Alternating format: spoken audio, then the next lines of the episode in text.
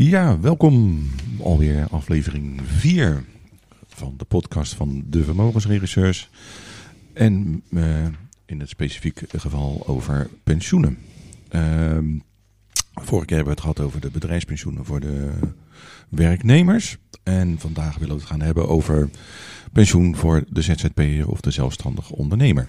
In de vorm van een VOF, maatschap, uh, wat kunnen we nog meer bedenken. Um, om maar even met de, een deur in huis te vallen. Uh, welke regelingen zijn er voor deze ondernemers? Kunnen we, voor mij kunnen we daar vrij kort over zijn, maar we doen het toch maar even. Hi Philip. nou, oh ja, dit sorry. is, ja, dit is Nico. Nico. sorry, ik vergat je even te introduceren, Nico. Welkom.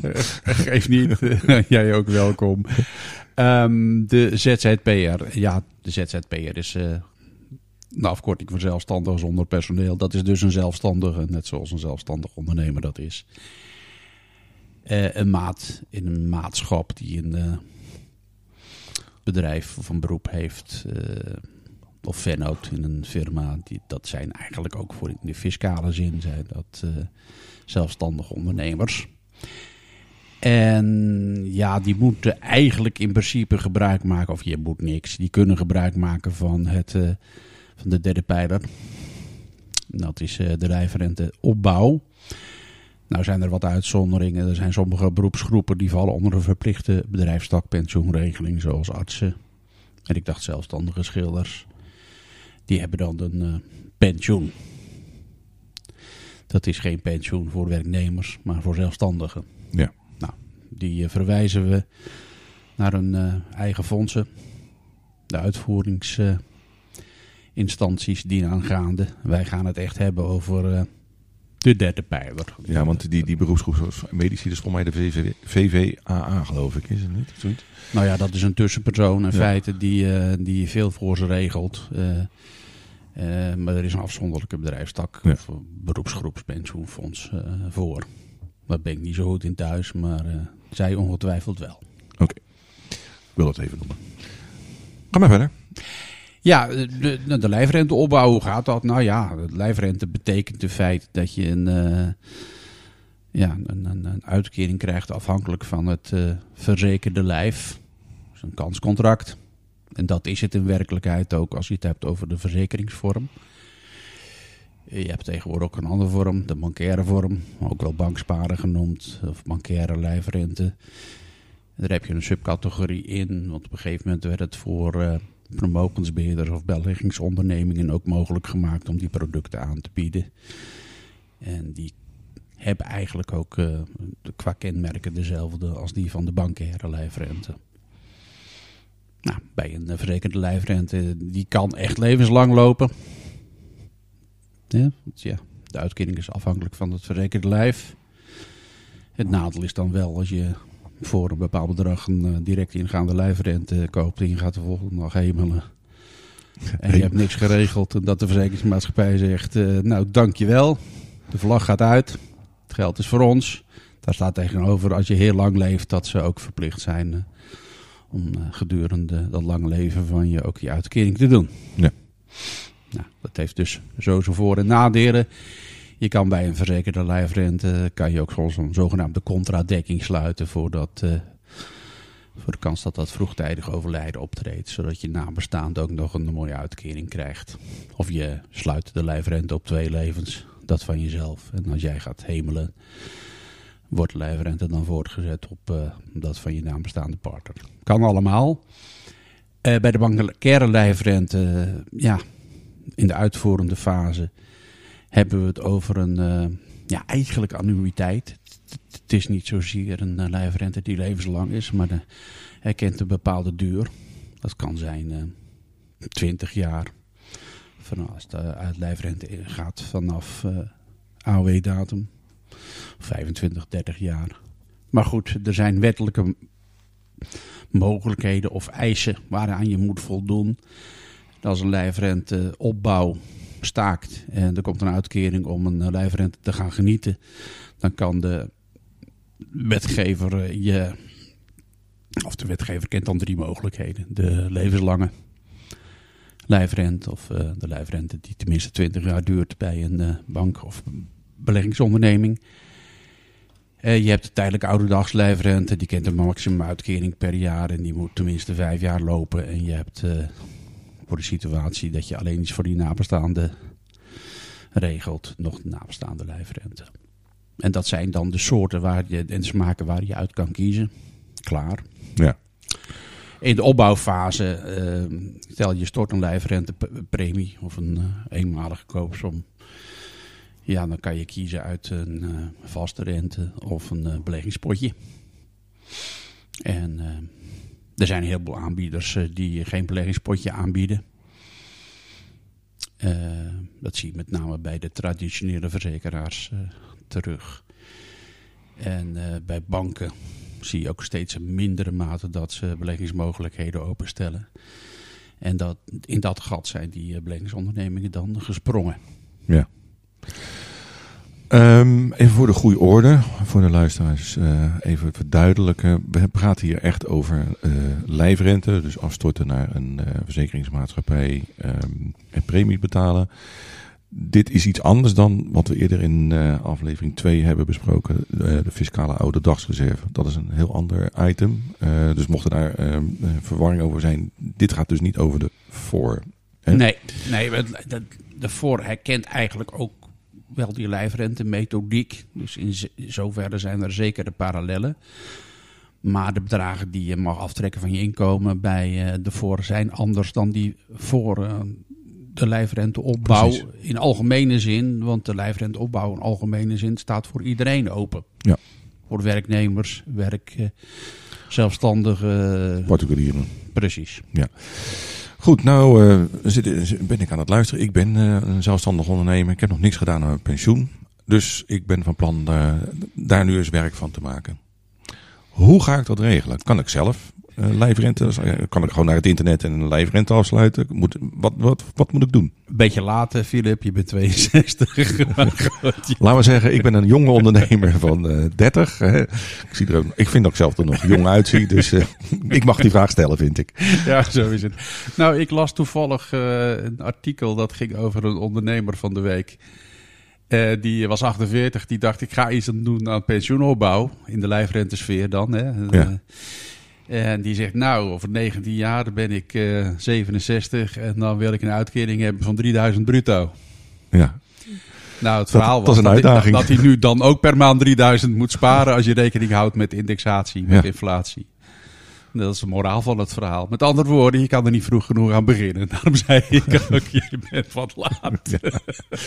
ja, maar ja, soms kom je pas laat tot de ontdekking dat je misschien eh, iets vergeten bent. Dat kan. Nou ja, dat is een beetje, de problematiek van lijfrentes en pensioenen. Veel mensen vinden dat te ver van mijn bedshow. Maar ja, je kan er beter maar vroeg aan denken en starten. Nou ja, goed, dat is ook de reden waarom we deze podcast eh, natuurlijk eh, zijn begonnen. Om een beetje, om het maar eens een mooi Nederlands te zeggen, awareness eh, te creëren bij, eh, bij het publiek. Van ja, pensioen, ehm, het is inderdaad wat je zegt, ver van mijn bedshow. Maar ja, je gaat er pas last van krijgen als je te laat bent inderdaad. Dus dat, eh, dan, dan ga je bedenken, waarom heb ik daar nou niks aan gedaan? Ik, eh, ik kan het betrekken uit mijn eigen voorbeeld. eh, van eigen voorbeeld van mijn vader was ook zelfstandig ondernemer. En wilde daar nooit iets van weten. En iets, een kreet wat je, die je heel vaak hoort van mijn zaak is mijn pensioen. Hè? Dus eh, ik heb een bedrijf en dat is mijn pensioen. Ja, dat, eh, dat is mooi als de zaken goed gaan. Maar als de zaken minder goed gaan, dan, eh, dan is, vervliegt ook je pensioen. Dus het is goed, goed advies, eh, Nico. Je kan er niet goed genoeg mee beginnen. dus vandaar ook deze podcast. eh, eh, dat is de, weer de tip van ons. jongens, niet te lang mee wachten. Of dames, Ja, uiteraard. precies. We mogen niemand uitsluiten. Maar goed, dus mijn vraag nog niet helemaal beantwoord. Van, ehm, dus ik wil, ik wil er wat aan gaan doen. Ik ben dus een jong ondernemer van 31 in dit geval. En na het luisteren van deze podcast denk ik, verdorie, ik moet echt aan de slag.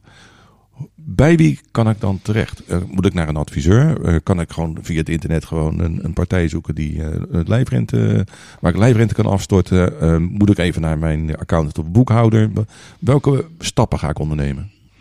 Nou ja, goed, als je jezelf interesseert voor deze materie, kan je dat zelf bekijken op internet. De nodige informatie bij inzoeken. En dan lees je ook dat, dat je zelf de premie moet betalen. Dat doe je dan. Of een, net- eenmalige storting mag ook, hè? Ja, je koopsom betaal je uit je netto inkomen. En het voordeel is dat die premie of koopsom dan die je betaalt, die eh, is fiscaal aftrekbaar. Binnen eh, zekere mate. De overheid bepaalt dan eh, hoeveel je mag aftrekken. En daar zijn ook sites voor die dat voor je keurig voor je berekenen. Je kan natuurlijk naar je accountant, dat kost centjes. Maar goed, als je die, die hulp denkt nodig te hebben, vooral doen. Eh, het beste is denk ik naar een gespecialiseerde adviseur gaan. Ja, nou willen we geen reclame maken voor onszelf, maar wij kunnen dat ook uitstekend. Ja, nou, ik denk dat we iets meer over die materie weten dan een, eh, dan een accountant. wil niet zeggen dat die ook niet goed kunnen helpen hoor. Kan zeker wel, maar het is maar net wat je, wat je prefereert. Vaak heeft die accountant wel je vertrouwen, maar een accountant is natuurlijk primair gericht op het maken van een administratie voor je. Ja. Het is geen algemene vraagbaak, het is geen fiscale adviseur in het algemeen.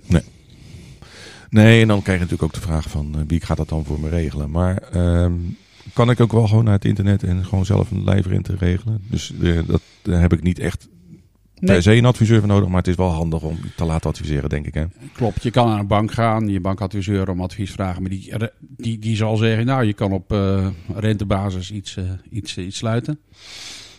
Een heleboel banken bieden geen, eh, geen eh, belegging meer aan in lijnrentevorm. Eh je hebt partijen die dat wel doen. Ja. Dat, en dat zijn over het algemeen beleggingsondernemingen. En daar zit eh, groene en rijpe Ja. producenten tussen. Nou ja, goed, het, het- het, die, die, die vraag stel ik niet voor niks natuurlijk. Mensen die dit willen gaan doen, die hebben denk ik wel gewoon eh, behoefte aan advies, denk ik. Want het is, het is toch een wat een lastige materie. En als je toch eh, goed beslagen ten ijs wilt komen, om het maar eens mooi te zeggen, dan eh, is het altijd wel handig om je te laten adviseren. Dat is eigenlijk een beetje Nou de ja, moraal van het verhaal. Dat voordeel van die man van 48, eh, die ik net aanhaalde, die was ook naar de ABN AMRO gestapt. Ja, en toen, eh, ik bedoel, dat had ik je in een seconde kunnen vertellen. Dat Ja. als je 48 bent en je wil in, de, in 19 jaar iets opbouwen om eh, voor pakweg diezelfde periode een uitkering te krijgen. die dan voor de inflatie gecorrigeerd moet zijn. Ja, dan, en je gaat op eh, rentebasis werken. Want ja, rente en inflatie hangen natuurlijk ook samen. En er zijn wat kosten in het product. Dan, eh, ja, dan Nou ja. betaal je het ongeveer wat je per jaar aan uitkering wil, eh, wil nou, krijgen. kan het natuurlijk. Ja, precies. Maar kijk, die man had dus duidelijk een wens van wat hij uiteindelijk wilde gaan krijgen.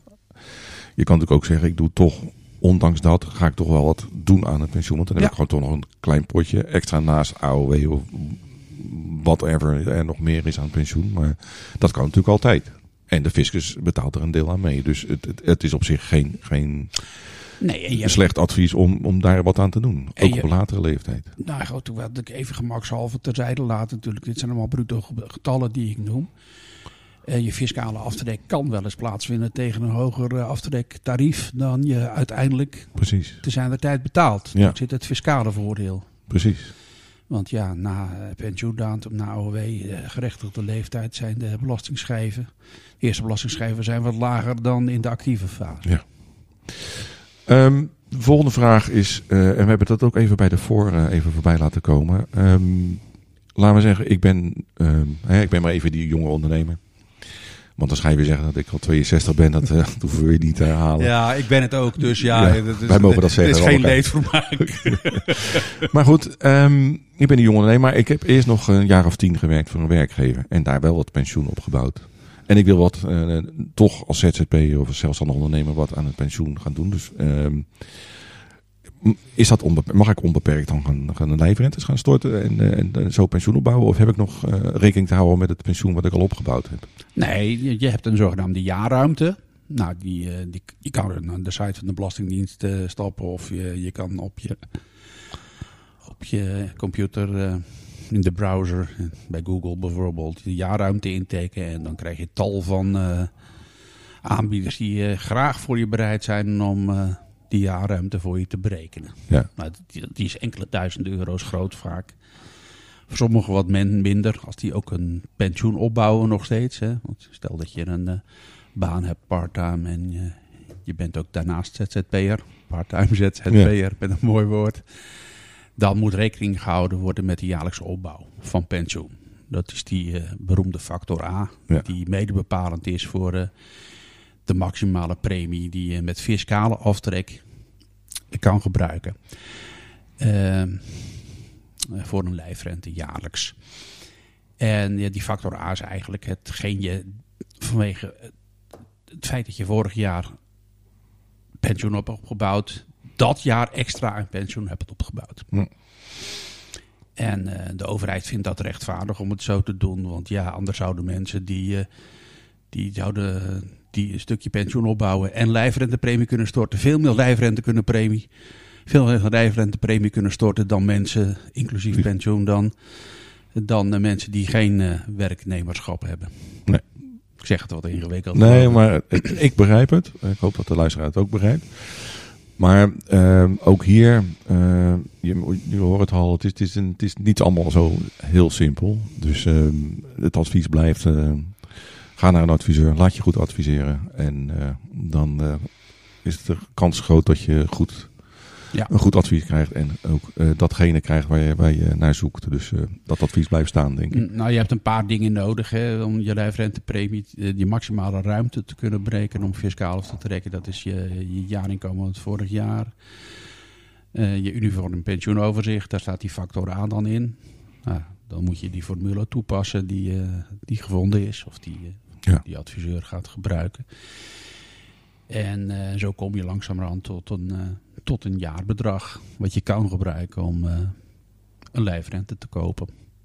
En dan zijn we er nog niet, want je mag je nog ook de niet gebruikte ruimte van de afgelopen Ja. zeven jaar gebruiken. Ja. En dat moet je eigenlijk als het ware voor elk jaar terug, moet je ook weer die jaarruimte van dat betreffende jaar berekenen. En dat kan wel eens lastig worden, want dan moet je al die stukken weer Nou tevoorschijn ja, toveren. dat, dat is, eh, dus dan moet je hopen inderdaad dat, eh, dat je boekhouder of accountant dat allemaal netjes bijgehouden heeft. Dan heb je die accountant wel nodig. Ja. En als, als, het, als eh, een goede accountant is of boekhouder, dan, dan is dat ook zo. Want die gaan dat elk jaar berekenen voor je.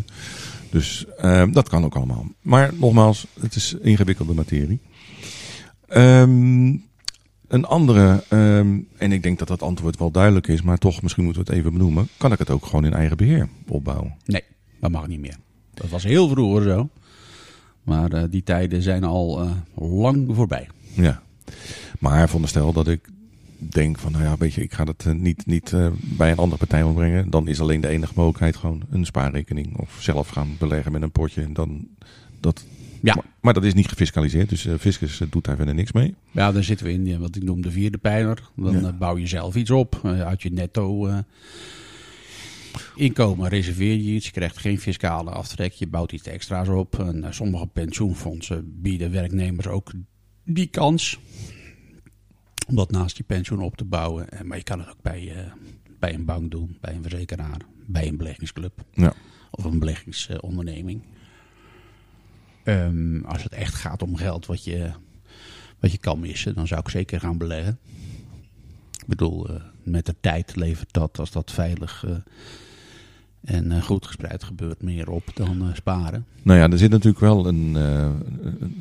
er zijn een aantal facetten natuurlijk. De eerste, het, het vergt natuurlijk wat discipline van jezelf. Want het is natuurlijk een pot wat je ernaast zet en wat je echt voor je pensioen wil, wil reserveren.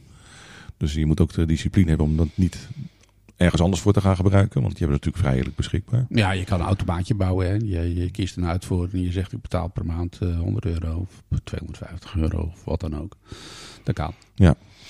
Maar het voordeel is, het is niet gefiscaliseerd. Dus eh, je, je hebt geen aftrek. Maar het grote voordeel is, je, je hebt er beschikking over wanneer je zelf wil. Dus als je een flinke pot hebt opgebouwd en, eh, en je bent 62, zoals ik. Hè, dat mag ik dat voorbeeld wel gebruiken. Dan kan je zeggen van nou, ik heb nu een aardig centje. Ik kan de komende jaren kan ik toe met het eh, spaarpotje Ja. wat ik heb. En eh, dan ga ik daarvan leven. Dat mag dan. Maar wat we nu nog niet behandeld hebben, maar eerder bij de voorwel, is dat de zelfstandige ondernemer, die heeft nog twee andere faciliteiten. We hebben er één eerder genoemd, eigenlijk allebei. Dat is die voor. Ja. Een fraai opgezette ramp genoemd. Hè. Eh, maar ja, die mogelijkheid gaat volgend jaar verdwijnen. En daarnaast heb je de mogelijkheid dat een ondernemer die zijn onderneming staakt, een extra aftrekruimte heeft in de lijfrentesfeer. Ja, een- stakingswinst. die mag zijn verkoopwinst voor een deel gebruiken of het geheel eh, Ja. eh, voor de aankoop van een lijfrente. Dat is ook wel afhankelijk van wettelijke factoren. Ja, En dat heeft een gewone particulier natuurlijk niet, die mogelijkheid. nee, precies. Dus Nou, dat is goed dat we het nog even, dat deel ook nog even benoemd hebben. Ehm, zijn er nog, ik heb, eh, mijn vragen zijn, eh, zijn op. Eh, heb jij nog iets aan toe te voegen aan hetgeen wat we nu besproken hebben? Nou, op dit moment niet, nee. Het, is al, het is wel mooi geweest alweer. Ja, we moeten ook niet te lang over doorgaan. Het is een droge materie. Ehm, nou, voor de luisteraars, wederom, als er vragen zijn, dat kan altijd. Ga dan even naar onze website www.devermogensregisseurs.nl.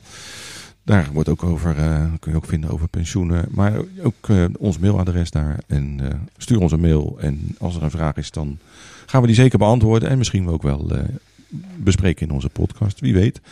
Dus dat was het weer voor deze keer, aflevering 4. En de volgende aflevering 5 gaat over de DGA, de zogenaamde directeur groot aandeelhouder. Dus als het je interesse heeft, blijf luisteren en tot de volgende aflevering. En Nico, nu ga ik het wel netjes doen. Jij bedankt, ja, geen dank. voordat ik je vergeet. En de volgende keer gaan we het over een gespleten persoonlijkheid hebben. Hè? Dus de DGA, de man die zichzelf, of vrouw die zichzelf mag ontslaan. Die werkgever is en werknemer. Ja, dat is een mooie, mooie afsluiter. Dat gaan we doen. Oké, tot de volgende keer. Bye bye. Bye bye.